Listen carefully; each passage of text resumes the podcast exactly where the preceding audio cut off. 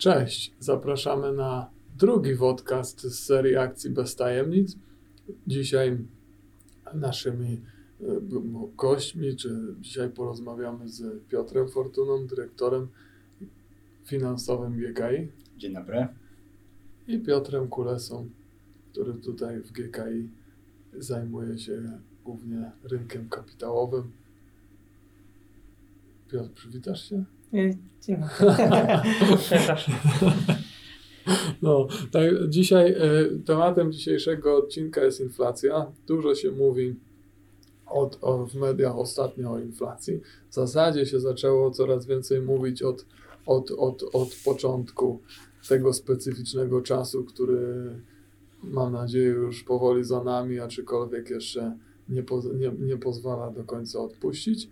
E, także najpierw po prostu przejdziemy E, porozmawiamy o tym, czym jest inflacja, jaka, jak w historii ona fluktuowała, e, jak historycznie się zachowywała, no i, ale przede wszystkim w drugiej części skoncentrujemy się na tym, jaki, jaki ma wpływ na akcje, ale też na końcu poprosimy e, Piotra, żeby trochę, żebyśmy trochę pogadali o tym, jak, jak może mieć wpływ na wyniki GKI, bo pewnie słuchaczy to najbardziej E, interesuje.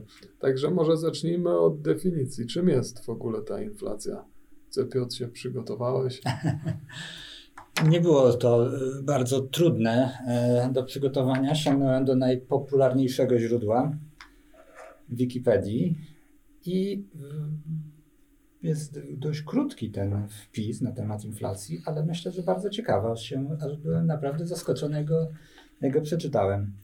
Inflacja Definicja z łacińskiego inflatio, nadęcie, proces wzrostu przeciętnego poziomu cen w gospodarce. Skutkiem tego procesu jest spadek siły nabywczej pieniądza krajowego. Taka jest definicja, bardzo krótka e, w Wikipedii. Myślę, że ona oddaje, oddaje e, całość tutaj e, tego, tego zjawiska. Myślę, że te takie kontrowersje co do inflacji, co do mierzenia poziomu inflacji i tak dalej, e, biorą się z tego, gdy zejdziemy jak gdyby piętro niżej i próbujemy mierzyć tą inflację. Tutaj jest cały szereg różnego rodzaju e, możliwości mierzenia, szereg e, sposobów mierzenia, mierzenia na różnych poziomach, różnych tak naprawdę wzrostów cen i stąd myślę, że powoduje to wiele takich dyskusji, często emocji i, nie, i takiego no, mówienia y, o tym samym, jednym słowem inflacja, czy poziom inflacji, a myślenia o zupełnie innych, Czyli innych rzeczach. ten spadek e, siły nabywczej pieniądza powoduje wzrost cen. Y, ja bym powiedział odwrotnie. Wzrost cen powoduje spadek siły nabywczej pieniądza. No to może co jest przyczyną wtedy, może Wikipedia To, to dalej, to sięgnijmy potem najprostsze, najprostsze źródło. Pierwszy punkt przyczyny inflacji nadmierne zwiększanie podaży pieniądza poprzez jego emisję przez bank centralny lub kreację w bankach komercyjnych. Pierwszy punkt. Drugi, niespodziewany i gwałtowny wzrost kosztów produkcji, np. surowców energetycznych, który prowadzi do ograniczenia zagregowanej podaży. E, wzrost popytu w gospodarce, niezrównoważony budżet państwa, wydatki z budżetu przewyższają wpływy, przeinwestowanie gospodarki, nadmienne nadmierne rozwinięcie procesu inwestycyjnego finansowanego przez państwo. Kolejny punkt, wadliwa struktura gospodarki. I ostatni, import inflacji. Czyli wraz ze wzrostem cen artykułów importowanych przez dany kraj następuje wzrost kosztów produkcji, a co za tym idzie wzrost yy, cen. Ale to jakbyśmy mieli, mieli spiąć to klamrą, to w zasadzie e, główny wpływ mają rządzący. No, nawet ta hierarchia tutaj wymienienia tych punktów bo przeczytałem to tak, jak jest to e, tutaj zamieszczone w Wikipedii, no wskazuje, pierwsze wskazuje e, bank centralny, czyli, czyli de facto państwo, niezrównoważony budżet yy, i tak dalej, i tak dalej. Tak więc to jest tutaj, myślę, że jest dość duża rola, dość duża rola państwa w kształtowaniu polityki gospodarczej, ale jednym z jej podstawowych elementów jest ta polityka monetarna i jej wpływ na na poziom, na poziom cen. No okej, okay, ale bo ja kiedyś, ja kiedyś naiwny, naiwny myślałem, że, że kiedyś jak tam było to oparcie w złocie i tak dalej, jak, bo w zasadzie jak tam powiedzmy pieniądz powstał, no to on powstał głównie dlatego, żeby ułatwić, ułatwić po prostu handel, no bo kiedyś tam jedna osoba wyprodukowała dużo zboża, druga miała dużo mleka, nie była w stanie tego, e, te, nie była w stanie tam powiedzmy tego skonsum, skonsumować, więc chcieli się wymienić. No wymienianie zboża na mleko jest takie mało ten i, i po prostu było upierdliwe, no więc powiedzmy najpierw się wymieniali złotem lub innymi substytami pieniądza. I tak jak, jak ja szczerze, jak myślałem, że dopóki to było, przynajmniej tak wielu komentatorów to przedstawia, że dopóki to było oparte na złocie, no to powiedzmy tej inflacji nie było. Tak myślałem do, dziś, do, do dzisiaj, jak rozmawialiśmy przed, przed, przed wejściem antenowym e, i Piotr tam też się udawało rządzącym nabroić w tym. Tak, generalnie, generalnie zdeterminowany rząd zawsze jest w stanie wywołać inflację i gdzieś tam ten dodatkowe przychody w towarach zrealizować bez, bez pokrycia w, no, w To takie, takie pierwsze wzmianki o, o historycznej inflacji to gdzie znalazłeś? Znaczy historycznej inflacji, historycznej hiperinflacji nawet. Eee, z, pierwsza taka dla mnie przynajmniej znana to jest właśnie w, w trakcie istnienia Imperium Rzymskiego w III wieku miejsce pierwsza taka bardzo duża hiperinflacja e, w III wieku e, naszej ery. E, no i źródłem, uważa się, że źródła tej hiperinflacji to, to jest wojny domowe, które, znaczy często zmieniający się władcy, tam średnio władca nie wytrzymywał roku nawet. Oni musieli zapłacić za wierność swoim legionom, bo wtedy to się dochodziło do władzy przez przewrót Musieli zapłacić za to, że żołnierze byli mu wierni no, czymś, tak? No, skoro tak często się zmieniali, no to nie było. kieszeń, tak? Tak, no, no tak, no nie było przychodów no, podatkowych. Tyle przychodów podatkowych, więc trzeba było szybko wypłacić im w pieniądzach.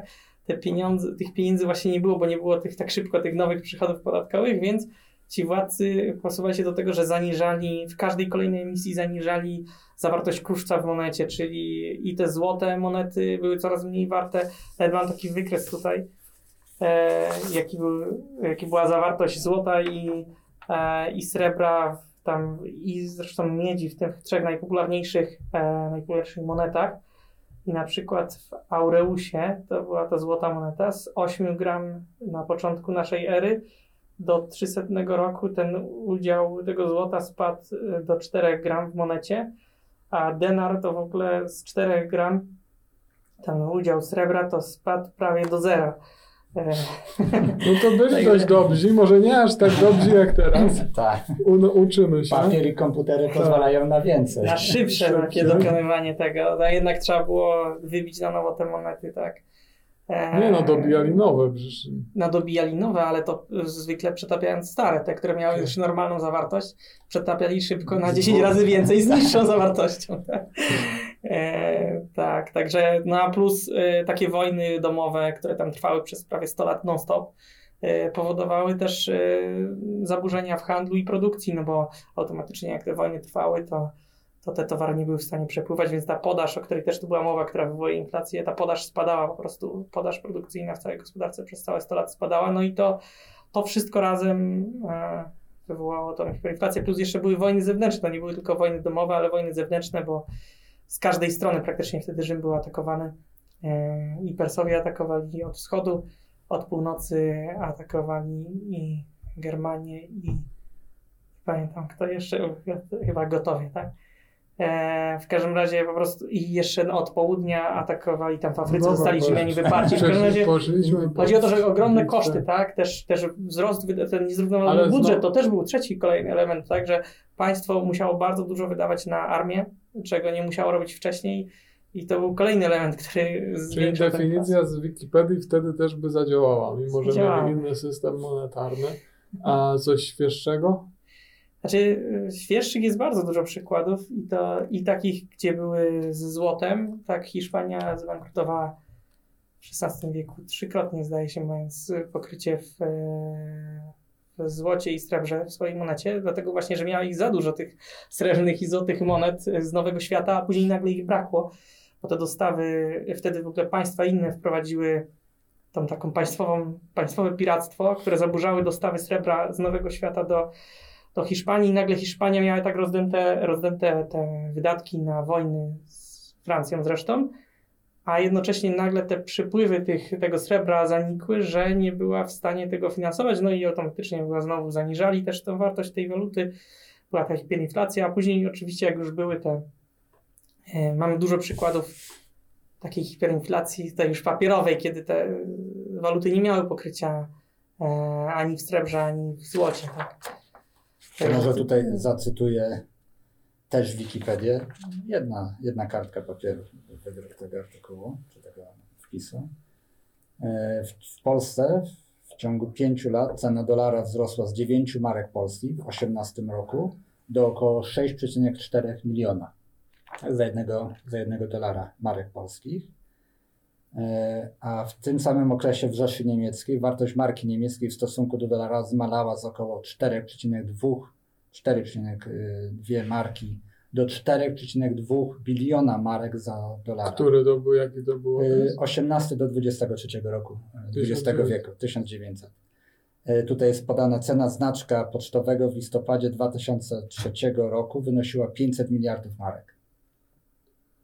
E, Okej, okay, a wtedy tam te przyczyny, przyczyny tego tam, tam pewnie Wikipedia nie.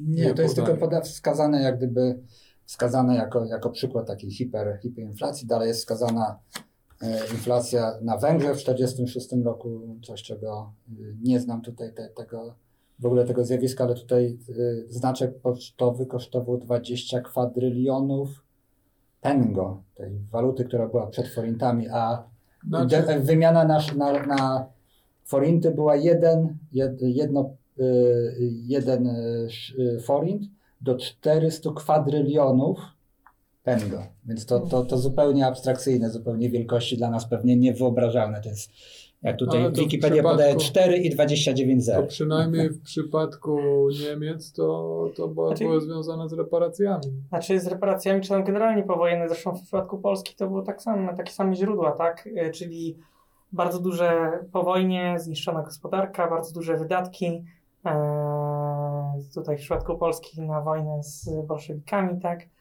a w przypadku Niemiec na reparacje do tych, którzy wygrali wojnę.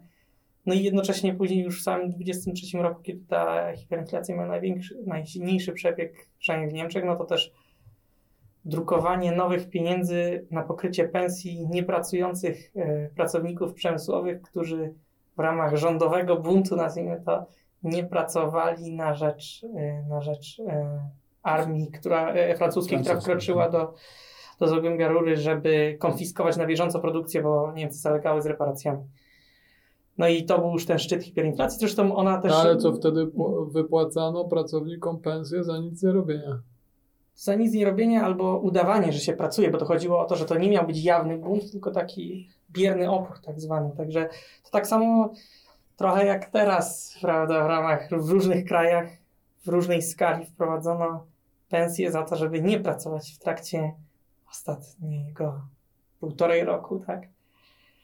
Żeby nie, nie narażać może ludzi na niebezpieczeństwo, takie było uzasadnienie, ale w każdym razie było bardzo duża skala była drukowania nowych pieniędzy, tak samo jak wtedy, e, na wypłaty dla ludzi, którzy mieli po prostu zostać w domu. To jaką my w tej chwili mamy inflację? A kto pyta? Albo kto liczy? Kto liczy? No tam około 5%, nie? Tak, no, rząd podaje, czy GUS w zasadzie podaje, że jest około 5%.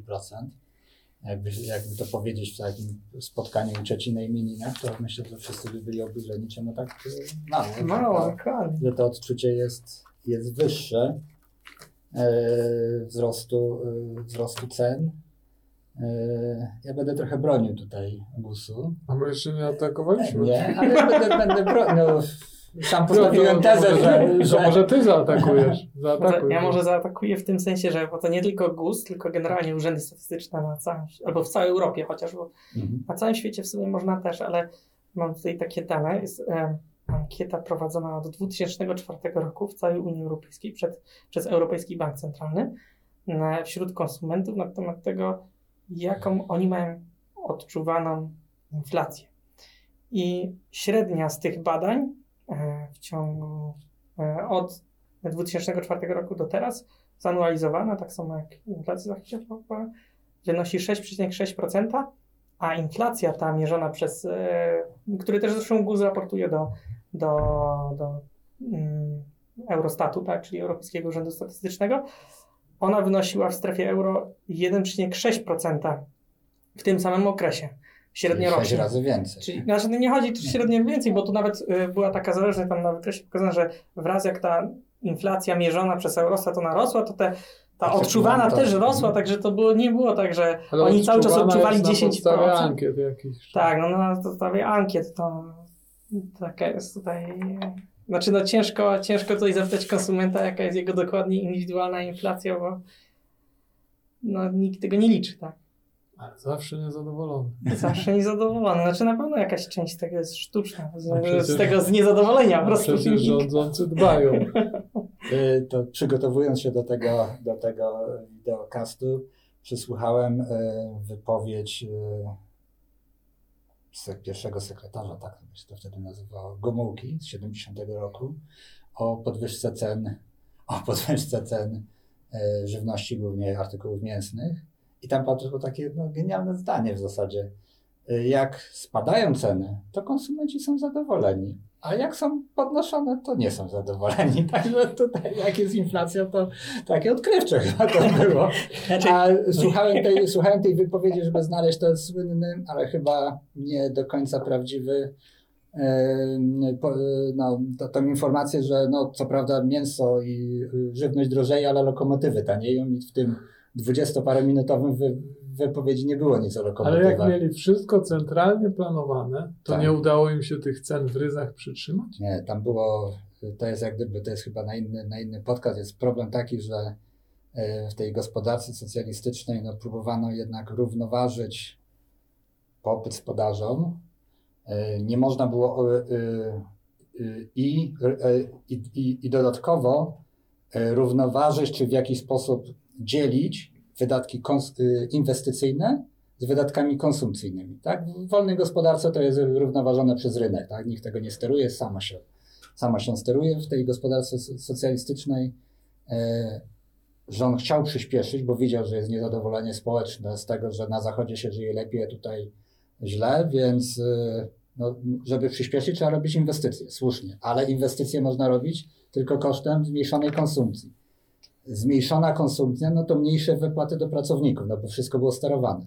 Nie można było na wprost obniżać, y, na wprost obniżać y, tak. pensji, no bo to by wywołało ogólnie, bo to zresztą wiemy, co się stało w grudniu tragicznego, zaraz po tych, po tych podwyżkach w 70 roku, więc podnoszono cenę.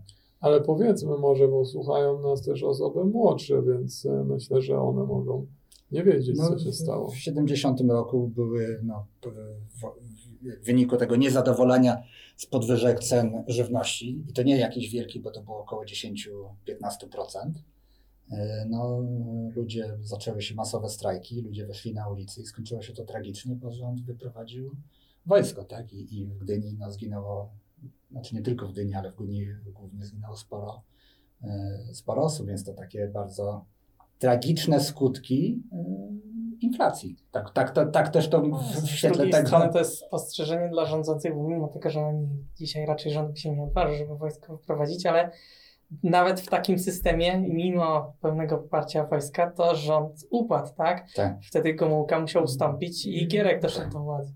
Także ta inflacja jest bardzo niebezpieczna dla wszystkich. No tak, ale można powiedzieć, że koniec końców ona też była jedną z dużych przyczyn w ogóle upadku tego systemu.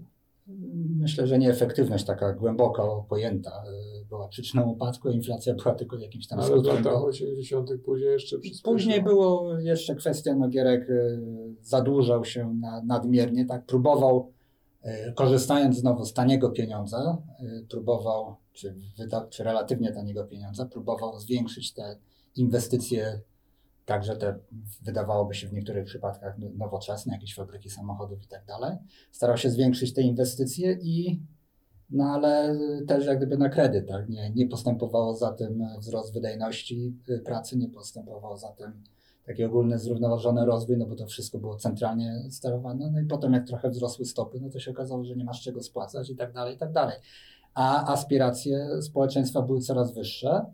No i one doprowadziły do kolejnego tam przełomu w 80 roku, a potem w 89. Czyli, czyli tam można powiedzieć, że inflacja to jest taka bomba z opóźnionym e, zapłonem, dlatego że wiele osób z rozrzewnieniem, przynajmniej tych starszych, e, wspomina czasy Gierka, a później jak, jak Jaruzelski musiał go odsunąć, to już było, to już to, ta bomba wtedy wybuchała. Tak, no tutaj też y, w gospodarce socjalistycznej ten y, Wzrost cen równoważy podaż, y, też można powiedzieć, że równoważy podaż z popytem, tak? Jeżeli danego dobra tak. jest mało, nie wiem, pierwsze kartki, które tak. ja pamiętam wprowadzone w Polsce, to były kartki na cukier. Bo cukier się stał, ja sam stałem jako młody chłopak gdzieś tam w kolejkach takich tam kilkuset metrowych po jedną paczkę, to się ją kupiło, trzeba było zawrócić, stanąć drugi raz, trzeba było kupić drugą paczkę. E, potem zostały wprowadzone kartki, te kartki regulowały podaż z popytem, utrzymując tą samą cenę. W takiej sytuacji nierównowagi, dzisiaj gdyby się z jakichś przyczyn, no nie wiem, jakiś cena by rosła i kolejka by, po prostu skróciła, tak? Oczywiście w pierwszym etapie by był ran, potem cukier, tak? Wszyscy by kupowali cukier.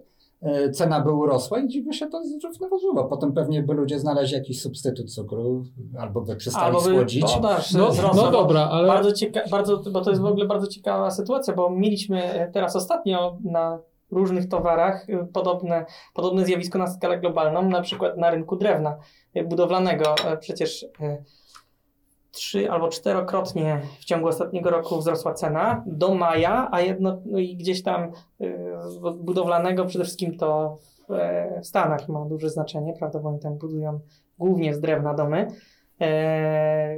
E, no i, yy, i gdzieś tam jednak mimo wszystko to ograniczyło trochę te, te budowy za, na to drewno i, i gdzieś tam też zwiększyło podaż yy, w tych tartakach, bo jednocześnie u nas przecież były braki niedawno jeszcze drewna.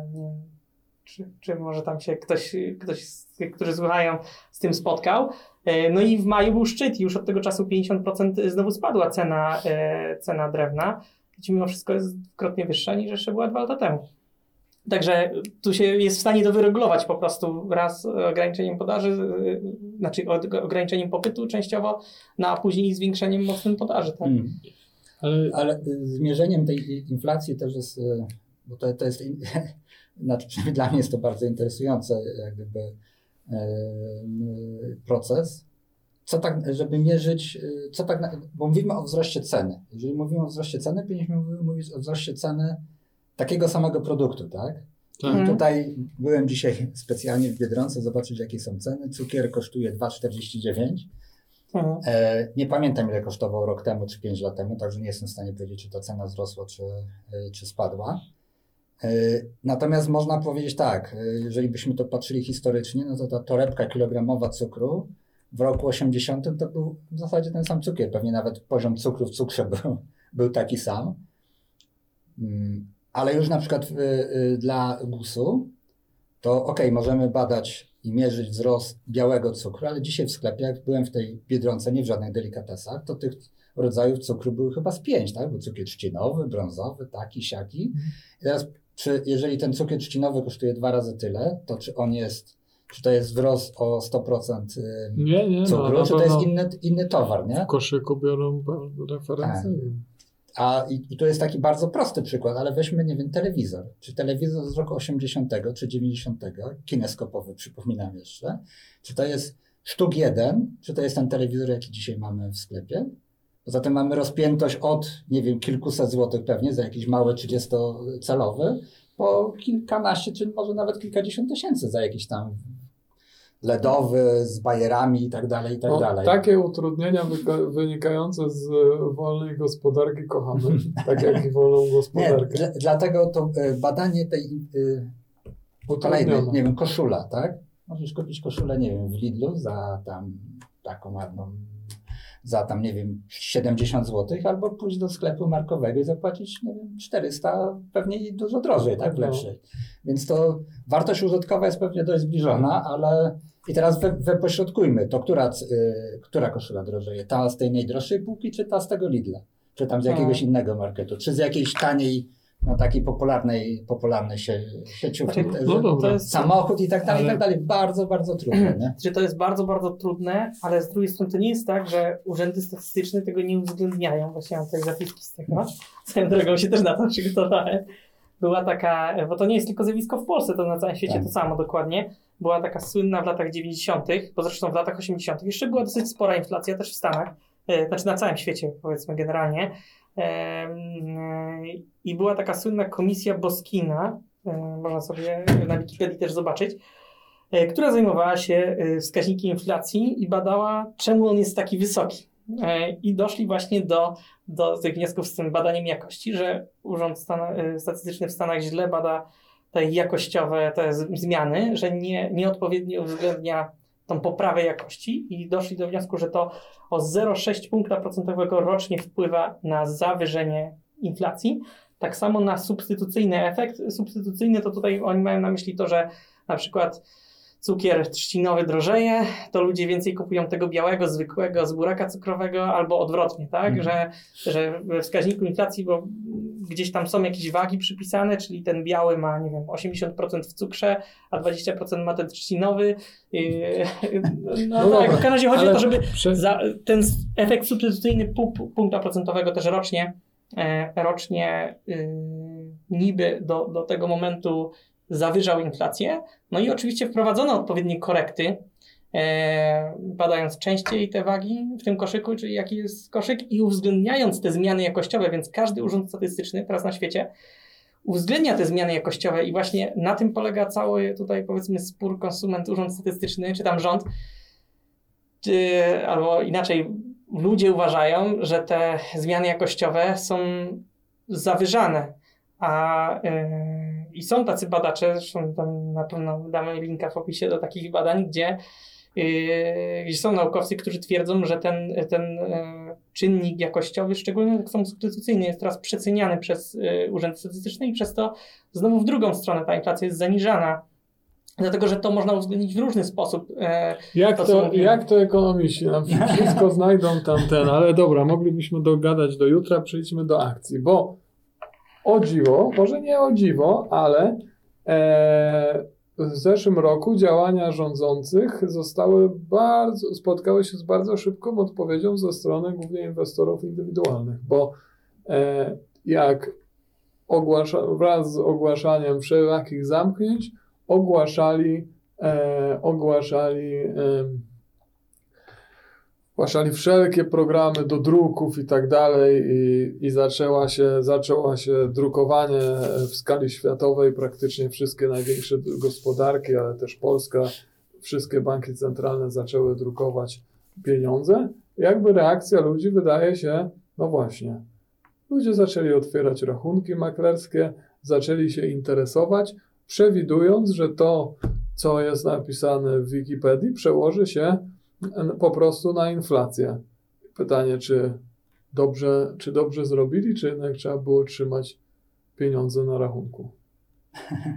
Na, rachunku czy na lokatach chyba nie, bo jeżeli oprocentowanie tych lokat wynosi dzisiaj tam 0,0 nic, a wręcz dla firm nie, depozyty są dzisiaj płatne, znaczy to firma musi zapłacić za to, że ma depozyt w wielu bankach, to jest tutaj nawet nie tyle ryzyko straty, co pewna strata, wiedząc, że inflacja jest i, i, i to nawet ta oficjalna całkiem niemała. To jeszcze też tak na marginesie to, co podaje GUS i, i, i często co jest komentowane w prasie, to jest tak zwana inflacja e, cen konsumpcyjnych, tak? czyli tylko wydatków konsumpcyjnych, tylko wydatków na, w koszyku jest mniej więcej tak, plus minus 25% na żywność i napoje niealkoholowe, 20% na utrzymanie mieszkania, w tym ewentualny najem, e, ileś tam procent na paliwo czy transport, 6% na alkohol, ileś tam procent na edukację i tak dalej, i tak dalej. I ten koszyk się gdzieś tam mierzy z uwzględnieniem tych wszystkich wagi, tych wszystkich tutaj zmian, o których Piotr czy, czy, czy ja tutaj wspomnieliśmy, czyli tej próby złapania, porównywania jabłek do, do jabłek. może to akurat by było najprostsze do porównania. Tak. Dany rodzaj jabłka, czy kilogram marchwi do kilogram marchwi. Choć Tutaj właśnie chyba nie ma takich dużych No różnic. Właśnie tak, no, akurat w jabłkach ale- myślę, że dużo jest odmian i też się bardzo Dobra. Nie, ale można, ale można mierzyć, nie wiem, Jonatana, czy tam jakąś, czy papierówkę do papierówki, tak, okej. e, Konsumpcyjne. E, Tak, e, czyli nie mamy wzrostu cen tych lokomotyw, tak, czyli nie mamy wzrostu cen materiałów budowlanych, przynajmniej jak gdyby w odniesieniu do, e, do, e, e, do przemysłu, tak, bo tam te wydatki na dom one mają też sobie jakiś koszyk tych wydatków, nazwijmy to takich remont, A wiele- remontowych, tak, A wiele rzeczy po prostu wystrzeliło. tak. Bo ceny, ceny stali różnych i, i, i frachtu i innych takich to można przeczytać, no bo jeśli się przez rok sztucznie tłamsiło popyt, Czy sztu- sztucznie tłamsiło podaż też, bo to o to Tak. głównie chodzi. no Tłamsiło się podaż, e, bo za, przecież te, te jakby problemy z tymi kontenerami Ale- wzięły się z tego, że y, były zablokowane w pewnym momencie porty. Przez kilka miesięcy były bardzo duże problemy z A- wysyłaniem tych kontenerów, to się no, nawarstwiło. zamknięte, zamknięte galerie, zamknięte restauracje, no nie było też takich potrzeb. Ale Nie no, y, wszystko na pewno, jakoś- na pewno tutaj y, ten, ten ubiegły rok był bardzo dużym takim zachwianiem tej równowagi jakiejś gospodarczej, zawsze chwiejnej i zawsze takiej niestabilnej i to na wielu, na wielu obszarach, bo z jednej strony w wielu, wielu, e, wielu branżach zniknął sztucznie tak, administracyjnie popyt, zachwiała się podaż, ceny fraktu poszły jakieś tam strasznie kosmicznie do góry. To już jak otworzyli, Tak. bo, wszyscy nagle tak, to chcieli. Yy, Poza tym, no w, i takie wy, wy, wybicie, to takie to pierwsze, to, bo to na wszystkich wykresach mniej więcej widać, tak, że to sobie, czy to będą e, jakaś tam produkcja, czy jakieś e, p- e, PKB, czy te, no, one szły mniej więcej jakoś tam stabilnie do góry. Potem jest ten marzec, kwiecień, maj ubiegłego roku taki straszny spadek i potem jakiś powrót i dalej to sobie gdzieś tam idzie do góry. Część idzie szybciej, część wolniej i tak dalej, ale widać ten taki wyraźny, wyraźny pik w dół i to powoduje, że, że, że dzisiaj mamy wiele tych dziedzin rozchwianych. To, że mamy takie wzrosty cen stali, że mamy y, wzrosty cen z tych surowców y, czy materiałów y, ropopochodnych, tak jakieś plastiki, styropiany, niestyropiany i tak dalej, to tutaj mm, bli- bliski nam Tak. segment materiałów budowlanych, to to wszystko powoduje, że, że dzisiaj znowu mamy te, te efekty podaży, znaczy wzrost tej y, y, spowodowany wzrostem cen surowców, wzrost, wzrost inflacji. Z drugiej strony po tym y, dołku i y, wszyscy się jak gdyby rzucili do odbudowywania strat, więc jest nadmierny, znaczy może nadmierny, jest wyższy popyt, bo firmy chcą odbudować te straty, które miały, więc jest mało podwykonawców, jest y, deficyt, to powoduje wzrost cen i to się potem Ale Powiedziałbym, że nawet tak? jeszcze na, tutaj jest dodatkowy jeszcze poziom tego zwiększonego popytu, no bo w tym czasie tej obniżonej podaży, bo to było zjawisko ogólnoświatowe, można powiedzieć, i zjawiskiem ogólnoświatowym było też płacenie za to obniżenie podaży, można Tak. powiedzieć, tym ludziom, czy tym branżom, które były można zamknięte w różny tak. sposób, bo albo indywidualnie konsumentom, e, gdzieś tam w Stanach płacono, u nas płacono firmom w ramach tej tarczy, tak, nazwijmy to tak. Tak, akcja kredytowa się zatrzymała na pewnym poziomie, bo z tego w skali globalnej podobno firmy w Polsce mają bardzo dużo gotówki, właśnie też z tych Z tych programów tarcz różnych. tak. e, różnych tarcz, bo jednak te i setki miliardów zostały w gospodarkę No i Ale- w razie ale jak- ale jakby nie było- wzrosła o, tam w Polsce o 30%, także Ale jakby E, nie było, mhm. e, bezdyskusyjne jest to, że ta ingerencja rządów, globalna ingerencja rządów w gospodarkę spowodowała zachwianie, które między innymi Tak. teraz skutkuje inflacją. I ta inflacja przez jakiś czas z nami będzie. I teraz pytanie, bo, bo fajnie się gada, ale może trochę podpowiemy albo się pozastanawiamy wspólnie, jak można się przed tą inflacją chronić, bo jeśli się trzyma pieniądze na rachunku, to się na to pewno się na traci. pewno straci. Wszyscy, większość e, Polaków jest przygotowana e, e, do inwestycji w nieruchomości, zna je i tak dalej, no więc tam ten rynek powiedzmy e, kwitnie, ceny rosną, ale już stopy zwrotu dla nowych inwestorów na, na tym rynku są coraz, są coraz niższe, bo ceny są coraz wyższe, więc pytanie jest, co oprócz nieruchomości Bo, bo teraz do tej pory to mam takie wrażenie, że Polacy to głównie albo lokata, albo sobie kupię tam mieszkanie czy coś, na tym się nie można stracić i tak, tak jest Tak. myślenie, nie, nie, nie ten, no ale pytanie jest, czy są jakieś inne możliwości jeszcze e, ochrony. Za komuny e, kupowano książki, bo one drożały i kupowano wódkę, bo ona nie taniała. No I jeszcze, znaczy, Nawet po komuny nawet samochody Nie. drożały od e, jak się kupiło Tak, nowe, tak, bo, nie, bo, no. ale to było przez ograniczenie podaży Tak, za Ale, ale, tak? ale nie wracajmy do tego, bo Nie, to ale teraz mamy, Dzisiaj, dzisiaj mamy tak, oczywiście mamy, mamy tą najprostszą, czy, najbardziej oczywistą metodę, czyli, czyli lokaty bankowe. One nigdy nie- cechowały się jakąś wysoką rentownością. Ale pewna strata. Ale dzisiaj jest to pewna strata. Y, Mamy powiedzmy nieruchomości, które y, no, według nas, to, to też może przejdziemy po tym, jak to wpływa generalnie na, na, na, naszą, na nasze spółki. To nieruchomości generalnie są jakimś tam y, metodą ochrony przed inflacją. To też jest znowu w polskich miastach coraz bardziej zauważane y, ograniczona podaż nowych, y, nowych Tak, ale można powiedzieć, tak że dalej, do tak tej dalej. pory w Polsce to jedno z najstabilniejszych Tak. rynków i naj, najlepiej chroniących przed inflacją. Plus jeszcze tutaj widać, że te nowe inwestycje przy takim wzroście cen y, surowców i środków do produkcji będą drożały, więc jest to wydaje się dość, dość dobra inwestycja. No i potem zostają różnego rodzaju instrumenty finansowe, bo nie mówimy o, nie wiem, o dziełach sztuki czy, czy jakichś tam Tak, ale już, kruszcach. ale już znowu nie każde, bo znowu obligacje, czy długoterminowe to jest w plecy, czy krótkoterminowe to też ciężko na tym zarobić, inflacji się na pewno nie ten, czy fundusze obligacyjne, które też, też nie przekroczą tak inflacji, też nie przekroczą, najprawdopodobniej nie przekroczą inflacji.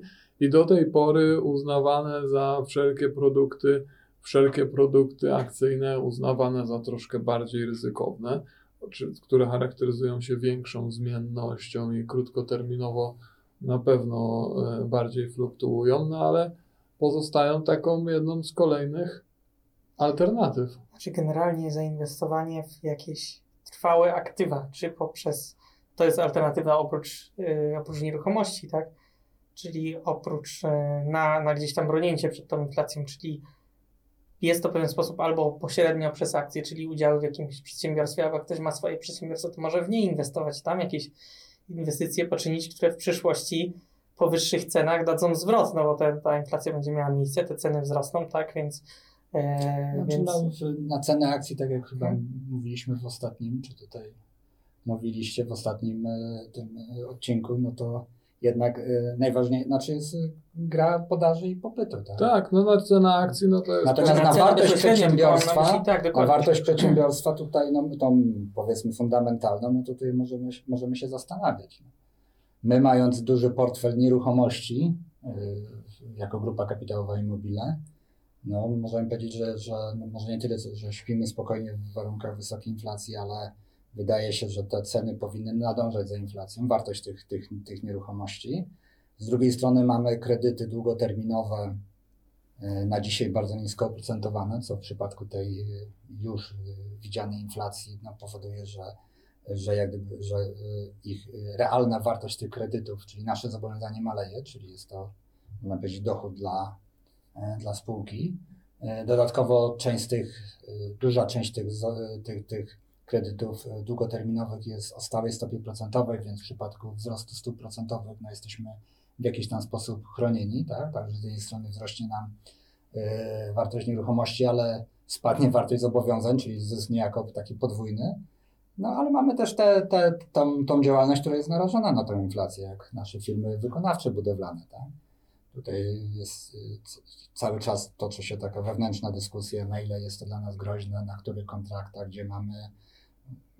Reguła jest taka, że mamy cenę kontraktową ryczałtową, tak? Część rzeczy mamy po, mm, czy bardzo dużą część mamy już y, mm, zabukowaną, tak, u poddostawców, u dostawców materiałów, ceny tych głównych surowców, czyli stali, tych ropopochodnych materiałów. No ale na części, czy w przypadku nowych, y, nowych wycen, no to jest, y, jest, jest, jest ryzyko, tak? Jest, jest niepewność Znaczy- i, to jest skutek inflacji, ta taka niepewność, tak? Ja bym powiedział, że ona też Trudność tam, wyceny. tam głównie wynika z tej, e, bo y, że y, dopóki ta, dopóki ta inflacja, nawet ona wynosi 5, ale ona jest w jakichś tam ryzach, to, y, to, to myślę, że to jest mniejszy problem. Tutaj problem się czasami pojawia, jak coś ma taki krótkoterminowy charakter, powiedzmy, hiperinflacyjny. Mm. Jak na przykład ceny frachtu, tak, że tak. tam powiedzmy z 2000 dolarów doszły tam do 7 albo lepiej. Teraz już tam I 12. 12 tysięcy. Tak, tak. I one pewnie za jakiś czas znowu spadną albo się ustabilizują. Jak już jest ustabilizowane, to już wiadomo, jak to wyceniać i tak, tak dalej, tak. ale sam ten moment, kiedy to się mhm. waha, no to wtedy trzeba być rzeczywiście bardzo konserwatywnym w podejściu do wycen i, no i trzeba mieć oczy i uszy szeroko. Z drugiej strony to jest pytanie tak naprawdę o to, jak to będzie. To jest, wszystkie banki centralne uzasadniają, że to jest przejściowe, więc nie, nie muszą dźwigać stóp procentowych, co dla nas jako posiadaczy nieruchomości jest korzystne, tak? Mhm. Bo, bo wysokie stopy procentowe no, źle wpływają na ceny. Też ten dalej patrząc na nasze spółki, no, y, deweloperka, wysoki popyt, to też widać w wzroście zapotrzebowania na kredyty hipoteczne i tak dalej, więc e, e, wydaje się, że jest to dla nas w tym, w tym miejscu też korzystne. Tak? My mamy bank, bank ziemi, więc w tej dłuższej okresie w przypadku dłuższego utrzymywania się dość wysokiej inflacji, nie mówimy o hiperinflacji, bo ona potem znowu zaburza bardzo wiele, tak? Trudno kupić y, mieszkanie na kredyt, jak stopa procentowa by wynosiła, nie wiem, 50% rocznie, tak? To, to tak. jest niemożliwe w zasadzie, więc to... Wtedy kredyt przestaje tak, istnieć. Tak, tak, kredyt przestaje istnieć, bo, bo, nie da się go spłacić, jest bardzo trudny do, do spłacenia, yy, ale inflacja też powoduje presję taką pracowników na wzrost wynagrodzeń. Dodatkowo jest to jeszcze wspierane z drugiej strony, czyli podnoszenie płacy minimalnej, więc a to znowu poprzez ten efekt podażowy prowadzi do podnoszenia cen, tak? No bo tak. trudno kiedyś. No czyli tak podsumowując, to umiarkowany, stabilny poziom inflacji powinien na same wyniki e, GKI wpłynąć pozytywnie, a jeżeli chodzi o same, o same akcje, no to już zależy od inwestorów, czy będą mieli też takie przekonanie i będą po prostu te akcje nabywać, czy nie. Tak. No tak, a to czy ta inflacja utrzyma się w tych umiarkowanych ryzach, tak naprawdę zależy od rządów i to nie tylko od naszego rządu, ale tych innych rządów e, na świecie tak samo. Czy właśnie ten ukryty koszt, który przerzucają poprzez inflację na nas, ukryty koszt tych wszystkich działań teraz e, kryzysowych, e, ten koszt właśnie ograniczania podaży, czy będą go dalej zwiększać, czy rzeczywiście się zatrzymają, wtedy to naprawdę będzie przejściowe.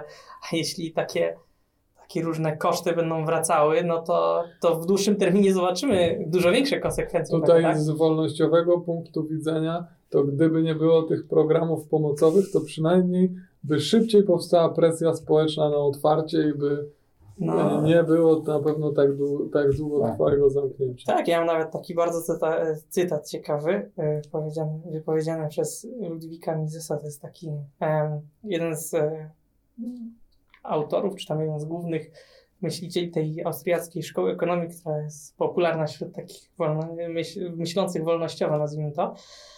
I on powiedział tak, powiedział to na początku 23 roku, czyli w ramach już wysokiej inflacji. 23. E, Aha, na początku 20, 1923 roku. Mhm. Czyli w ramach już wysokiej inflacji, trwającej od początku tego przewrotu, też tej rewolucji, która nastąpiła, on w Niemczech mieszkał, mhm. e, czyli obalenia cesarza i wprowadzenia no. ale to trzeba kontekst znać, żeby wiadomo. Ale, ale trzeba kontekst znać, żeby było wiadomo o co chodzi. Czyli e, ten demokratyczny rząd, żeby się utrzymać przy władzy i nie doprowadzić do drugiej rewolucji, finansował poprzez emisję nowego pieniądza swoje istnienie i tam jakieś um, utrzymywał jakiś tam poziom życia ludzi.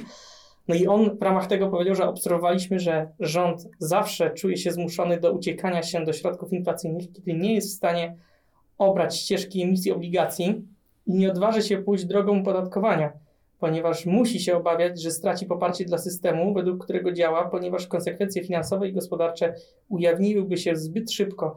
Inflacja staje się zatem najważniejszym narzędziem psychologicznym w polityce gospodarczej, która stara się ukryć jej konsekwencje. W tym sensie można inflację określić jako narzędzie polityki antydemokratycznej, ponieważ wprowadzając w błąd opinię publiczną, umożliwia przetrwanie systemu rządów, który, jeśli sprawę przedstawiono by otwarcie, nie miałby szans na aprobatę społeczeństwa. Zresztą to tak. się tam skończyło w tym samym roku, w którym on to powiedział. Do końca roku była taka hiperinflacja, że, y, że tam w miliardach się płaciło za chleb, tak? E, Niemożliwe. Teraz tak na pewno, teraz tak nie będzie. Targowica i... Okej. To ja, żeby tak zakończyć, y, sięgnę jeszcze raz do tej kartki z wydrukowanym artykułem z Wikipedii. I tutaj mamy negatywne skutki inflacji. Pierwszy punkt. Redystrybucja siły nabywczej na korzyść emitującego pieniądz, zwykle rządu bądź podległej mu organizacji, kosztem reszty użytkowników. I w nawiasie, dlatego inflacja bywa nazywana ukrytym podatkiem. Drugi, realny spadek wartości zobowiązań i wierzytelności, to, to, to, to, to o czym też mówiliśmy, które nie podlegają waloryzacji. W szczególności skutkiem inflacji jest względne zmniejszenie się dochodów osób, które nominalne dochody są stałe. Te niekorzystne konsekwencje inflacji można zmniejszyć, dokonując odpowiednio częstych waloryzacji zobowiązań. Yy, Następne dwa punkty to, są, to jest tak zwany koszt zdartych lub zdzielanych zelówek, czyli ludzie szukają, przy wysokiej inflacji szuka się tych zamienników, szuka się mniejszej, yy, stara się utrzymywać mniejszą gotówkę, częste dojazdy do banku i tak dalej. To są jakby mniejsze takie skutki czy tak zwany koszt zmiany karty dań, co powoduje, że firmy, tu jest jak gdyby na przykładzie restauracji, że trzeba co chwilę drukować nowe karty, wpisywać nowe ceny, E, natomiast no, w, w, w skali całej gospodarki to też ma jak gdyby szerszy, to jest tylko taki przykład może trochę kuriozalny. Inne skutki inflacji, dalej za Wikipedią, ponieważ siła nabywcza pieniądza maleje, konsumenci chcą się go pozbyć, zakupując dobra, których wartość nie maleje. Tym samym napędzają te sektory gospodarki, które produkują dobra trwałe. Tak? Czyli może- nieruchomości i tak dalej. I, I kolejny, ostatni punkt. Powyższy skutek wywołuje wzrost niekoniecznie równomierny cen innych towarów. Jeżeli wzrasta cena benzyny, to dalej Wikipedia, także skutkiem nakładania podatków, w tym akcyzy, rosną koszty transportu i ceny wszystkich towarów, które są transportowane. Tym samym e, wzrost ceny benzyny może spowodować wzrost cen chleba. Nie, nie edytowałem tej Wikipedii. Ale bardzo trafnie. Oj, cytatów o inflacji i tego wszystkiego to moglibyśmy znaleźć tak. bardzo dużo. A co się tak uśmiechasz? Co jeszcze chcesz jakiś pojechać? Nie myślałem o tym, o tym, prawda, z tym bankiem centralnym, prawda? ale nie Daj, wiem, czy dawaj, to- dawaj. Ale co ty tak Jeszcze- się zastanawiasz? Tak, No, jeszcze Tutaj nie ma w ramach cenzury. przygotowania do, do Tutaj podcastu. nie ma cenzury, najwyżej cię wytniemy. Dobrze. Więc za- za- zagłębiłem się w bardzo dużo otchłani internetu i nie tylko. I e, dotarłem do dokumentu z 1848 roku, którym to był e, manifest komunistyczny Partii Komunistycznej, która dopiero powstawała, filozofia w ogóle powstawała, bo to jest e, manifest, który został ogłoszony przez Karla Marksa i Friedricha Engelsa. I e, mieli, cały ten manifest ma 26 stron, zamieścimy link też naszych, do oryginału w naszym opisie. tak, tak, tak, żeby ludzie mogli przeczytać, o co chodziło. W każdym razie mm, wtedy nie było banków centralnych mm, i w jednym z 10 punktów, które oni określili jako, e, jako konieczne do wprowadzenia komunizmu był, i teraz cytuję po polsku, tam zamieścimy też do oryginału, żeby można było to sprawdzić, e, Dawaj po niemiecku. Centralizacja kredytu w rękach państwa poprzez Bank Narodowy z kapitałem państwowym i wyłącznym monopolem na jego emisję. Dobra, już nie tłumacz. Nie tłumacz, bo słabo wygląda. To jeszcze tutaj nie, w tej salce Engelsa i Marksa nie cytowaliśmy. I może na tym zakończmy. Ale pamiętajmy, naród, który nie pamięta swojej historii, skazuje się Tak. na jej powtórkę. Także podsumowując, czasy spokojnego trzymania pieniędzy na lokatach się skończyły. Zalecamy ruchliwość, rozsądną ruchliwość, wzięcie, spra- wzi- wzi- wzięcie sprawy w swoje ręce. Jakbyście mieli trochę więcej pytań i chcieli, żeby, żeby koledzy, po, żebyśmy porozmawiali trochę bardziej szczegółowo, Eee, to nie był przytyk, nie martwcie się, ale za długo gadamy.